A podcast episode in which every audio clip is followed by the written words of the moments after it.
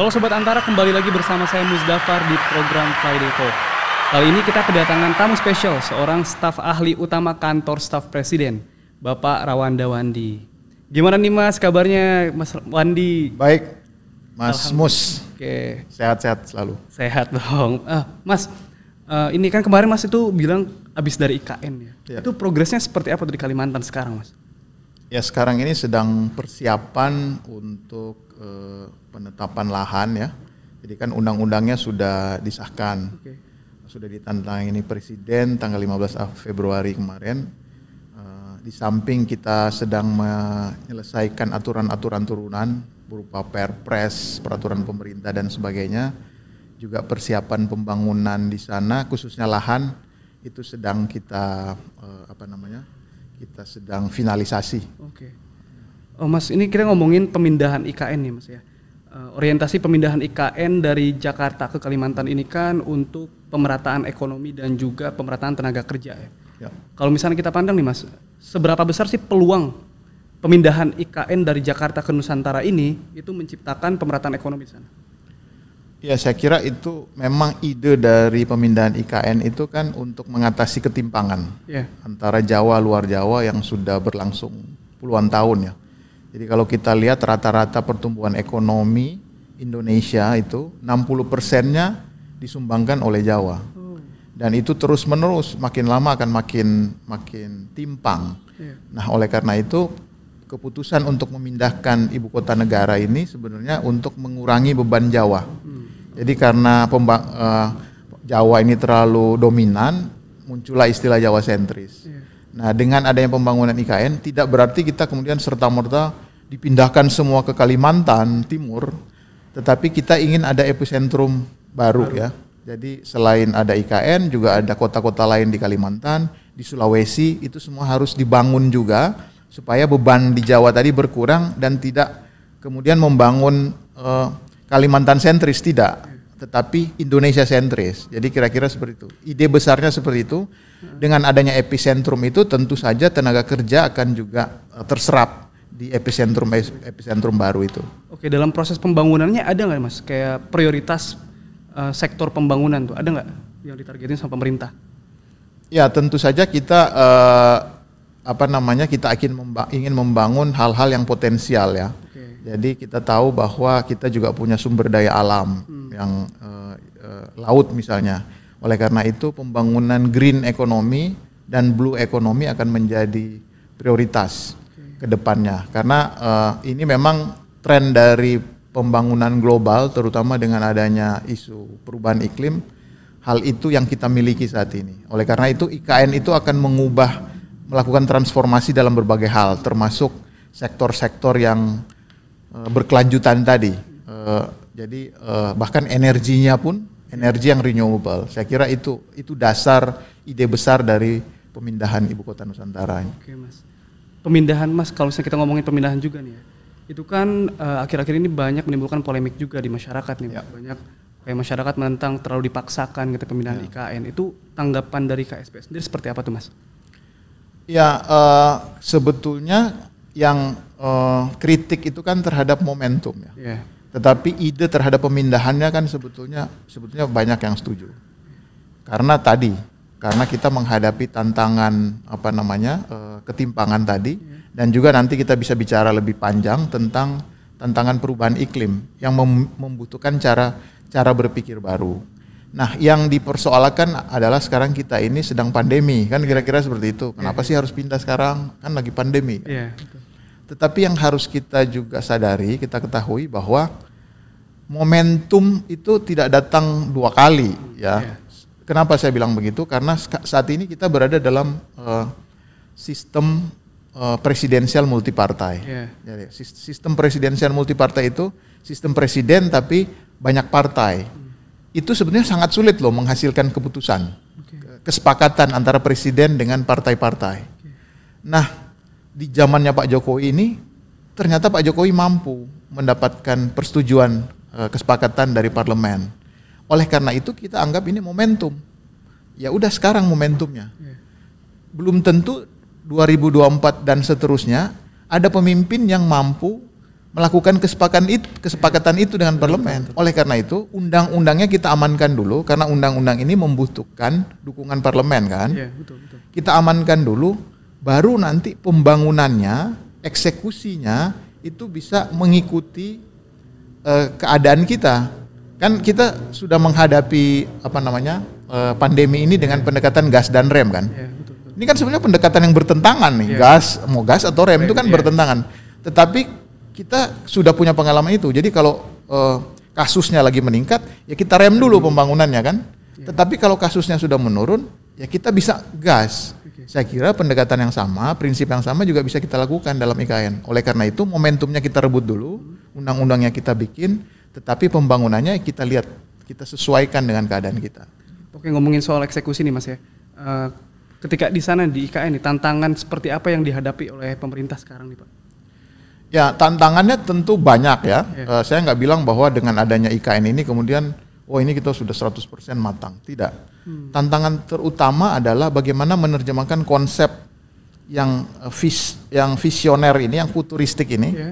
eh, konsepnya smart forest city itu bisa kita wujudkan. Karena kan selalu ada jarak antara rencana dan realisasi kan. Nah ini kita nggak pernah pindah ibu kota loh sebelumnya. Dan mungkin dalam ratusan tahun ke depan, barangkali kita juga nggak akan pindah ibu kota. Nah itu kan kita nggak punya pengalaman ibaratnya ya. Nah oleh karena itu kita mengumpulkan semua eh, apa namanya sumber daya kita untuk mewujudkan pemindahan itu. Nah itu tantangan yang luar biasa. Nah tetapi kalau kita mendapatkan dukungan dari berbagai pihak, saya kira kita optimis bahwa ini akan bisa berjalan lancar dan sukses.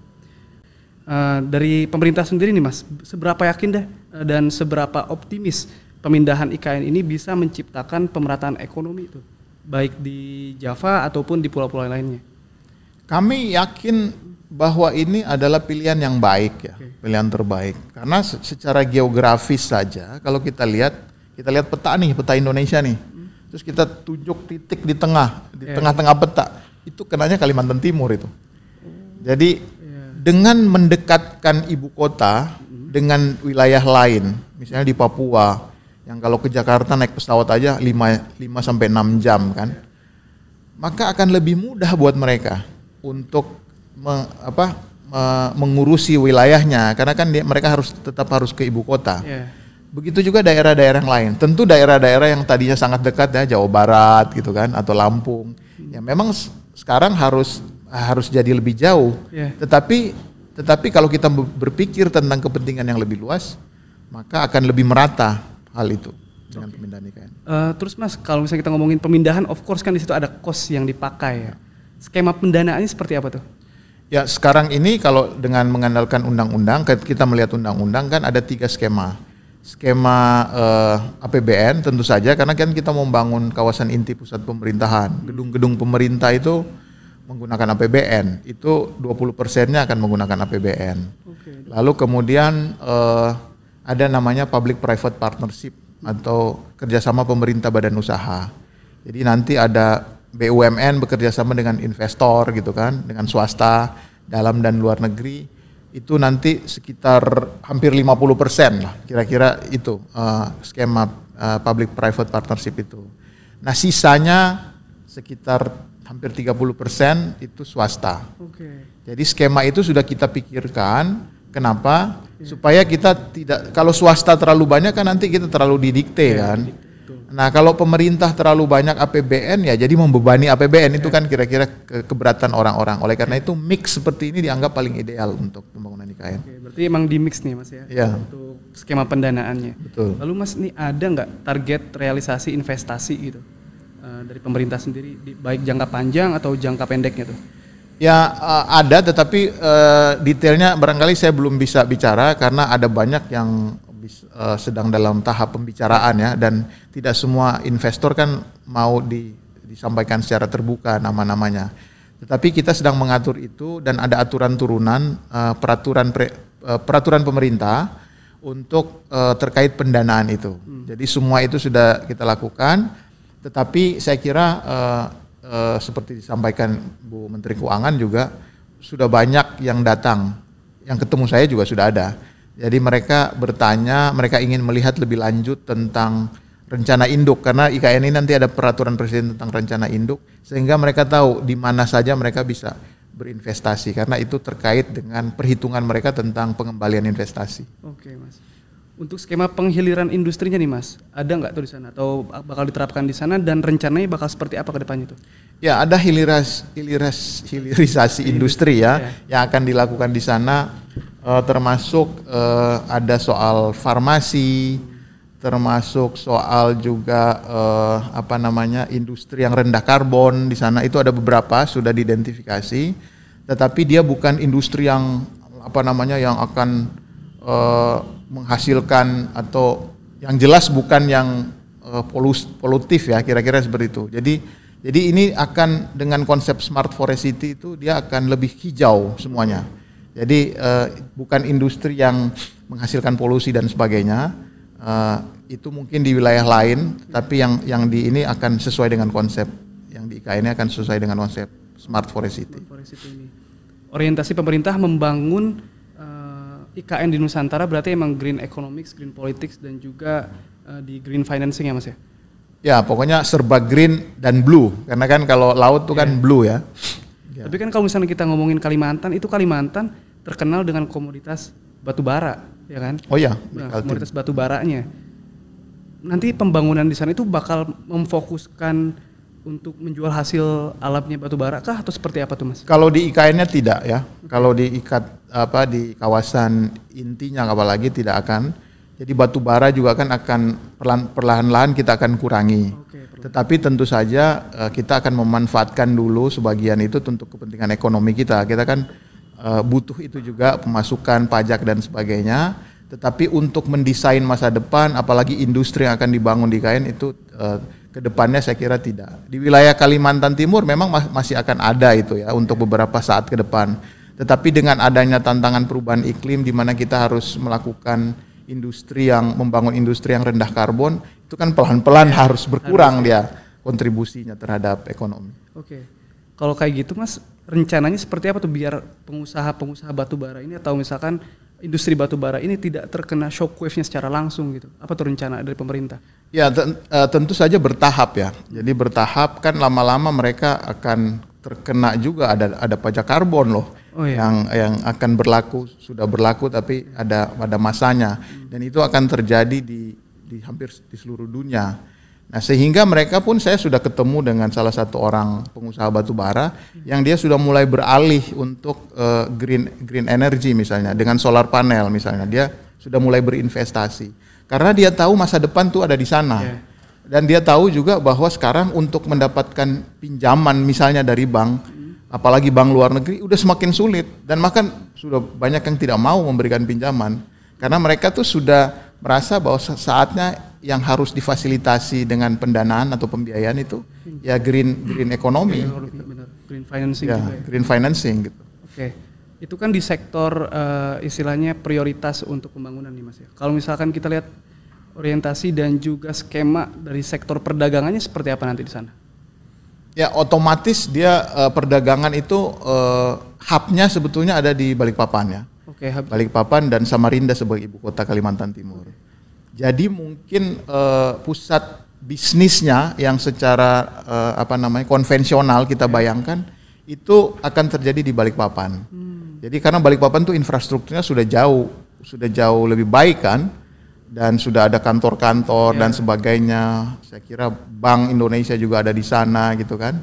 Perwakilannya maksudnya. Nah, eh, perdagangan kan tentu membutuhkan infrastruktur hub yang sudah jadi. Nah, hub yang sudah jadi itu di Balikpapan. Itu akan lebih memudahkan. Nah, perlahan-lahan tentu nanti bisa digeser okay. ke IKN-nya. Oh iya Mas, kan Presiden juga kemarin tuh uh, akan memberikan insentif terhadap uh, masyarakat yang mau pindah ke IKN dan juga istilahnya mau membantu pembangunan IKN lah di sana ya. ya. Itu nanti skemanya bakal seperti apa tuh Mas? Kalau boleh tahu.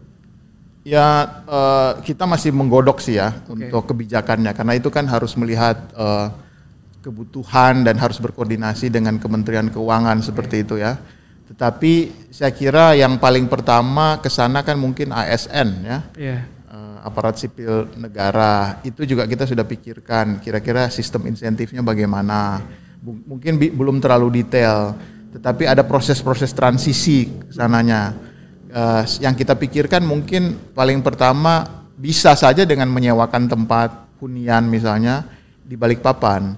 Karena kan Balikpapan nanti kalau sudah jadi tolnya itu, tol Balikpapan Samarinda kan sudah jadi ya. Iya. Tapi kalau dari eh, Balikpapan ke IKN, perkiraan saya sih mungkin 40-an menit jaraknya, jarak tempuhnya jauh lebih lama, bukan jauh lebih lama, lebih lama dari saya dari rumah saya ke istana Iya. di Jakarta gitu kan. Jadi saya kira itu tidak masalah dan dan dan saya kira kalau sudah banyak yang melihat Balikpapan seperti apa, Balikpapan itu kota yang salah satu kota terbaik menurut saya.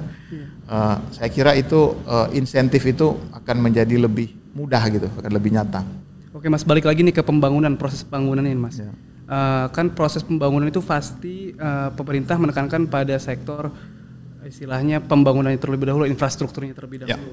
Otomatis itu akan meningkatkan taraf impor kita dong terkait barang-barang yang harus diimpor gitu. Itu eh, strategi seperti apa tuh biar tidak ada defisit neraca perdagangan mas dari pemerintah? Sebenarnya kalau transpo, eh, pembangunan awal infrastruktur itu kita kan sudah terbiasa membangun itu ya. Kalau kita lihat PUPR itu kerjaannya dia bangun tol sudah nyambung tuh sekarang ya kan Jawa Trans Jawa itu sudah nyambung di periode pertamanya Pak Jokowi. Sekarang juga sedang dibangun Trans Sumatera. Dan kita punya eh, pengalaman, punya bahan baku.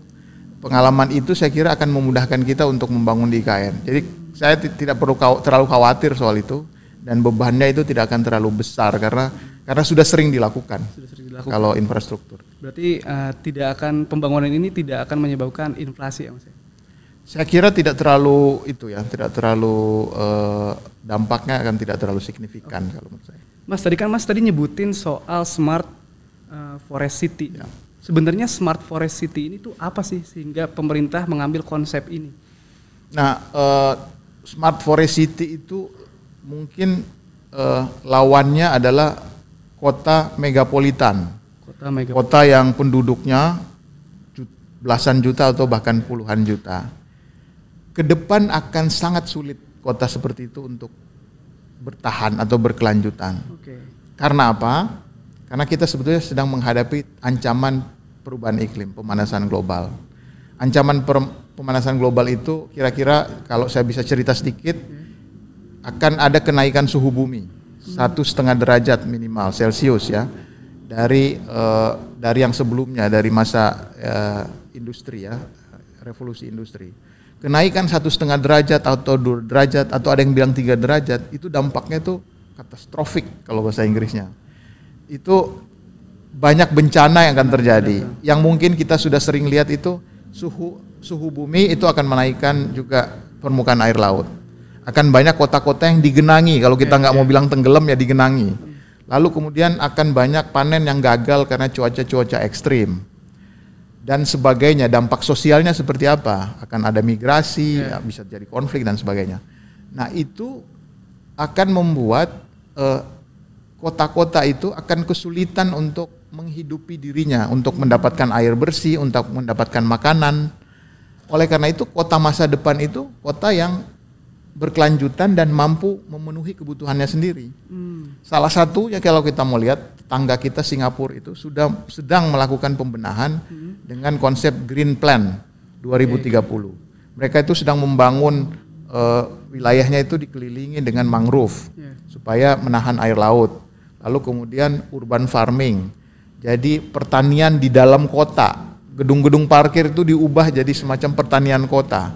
Itu supaya apa? Kalau mereka kesulitan mendapatkan pasokan pangan, itu bisa mereka mendapatkan sendiri Iya, iya, dari betul. dari itunya urban farming itu mungkin hidroponik dan sebagainya. Nah, kita juga berpikir bahwa kota IKN ini juga seperti itu.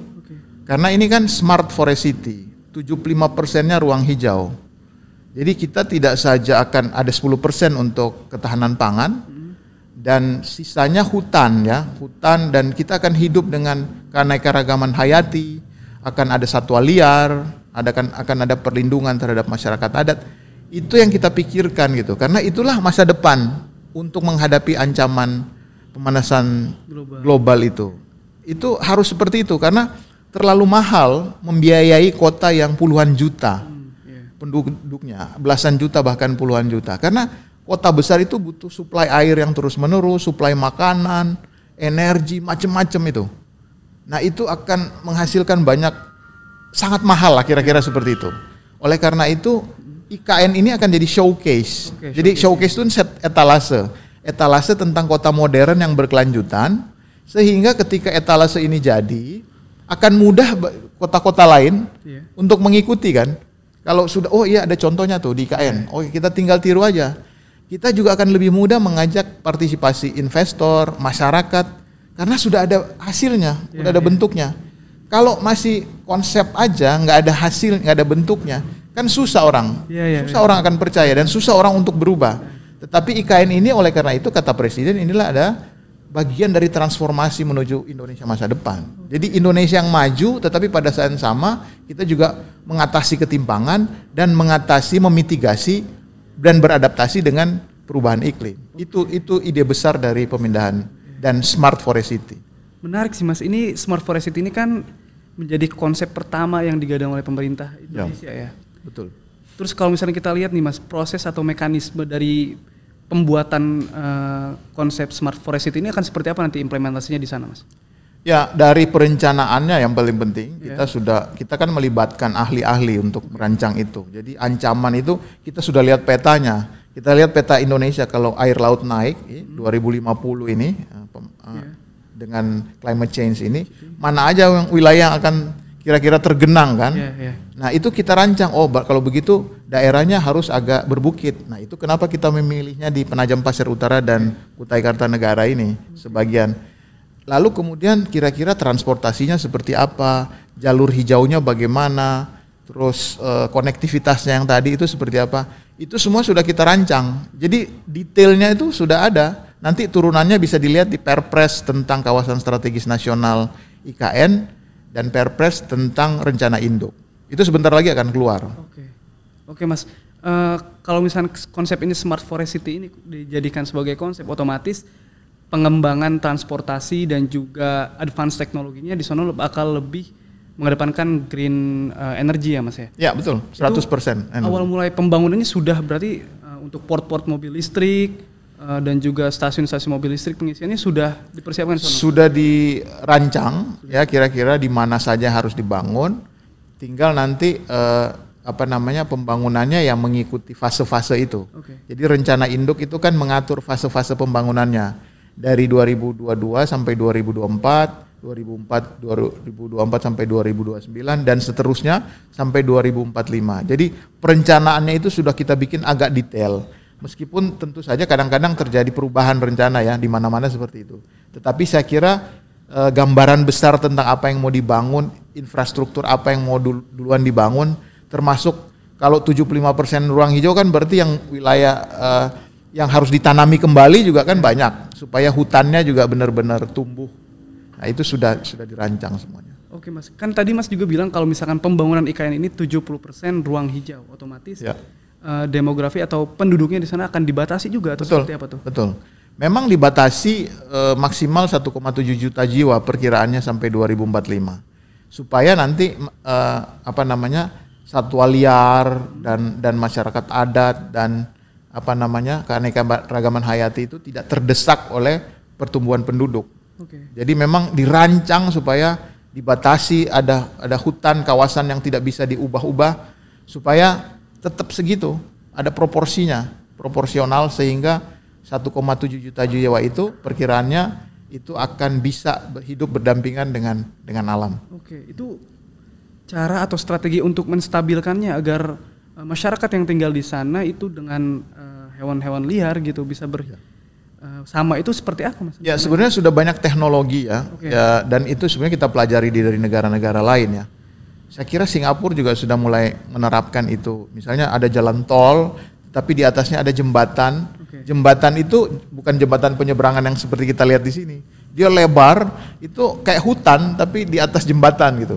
Nah sehingga kalau ada migrasi kan eh, satwa liar itu kan bisa bermigrasi ya. Mungkin misalnya misalnya orang utan dia mau pindah-pindah-pindah, dia tidak terhalangi. Dia ada jalurnya gitu loh.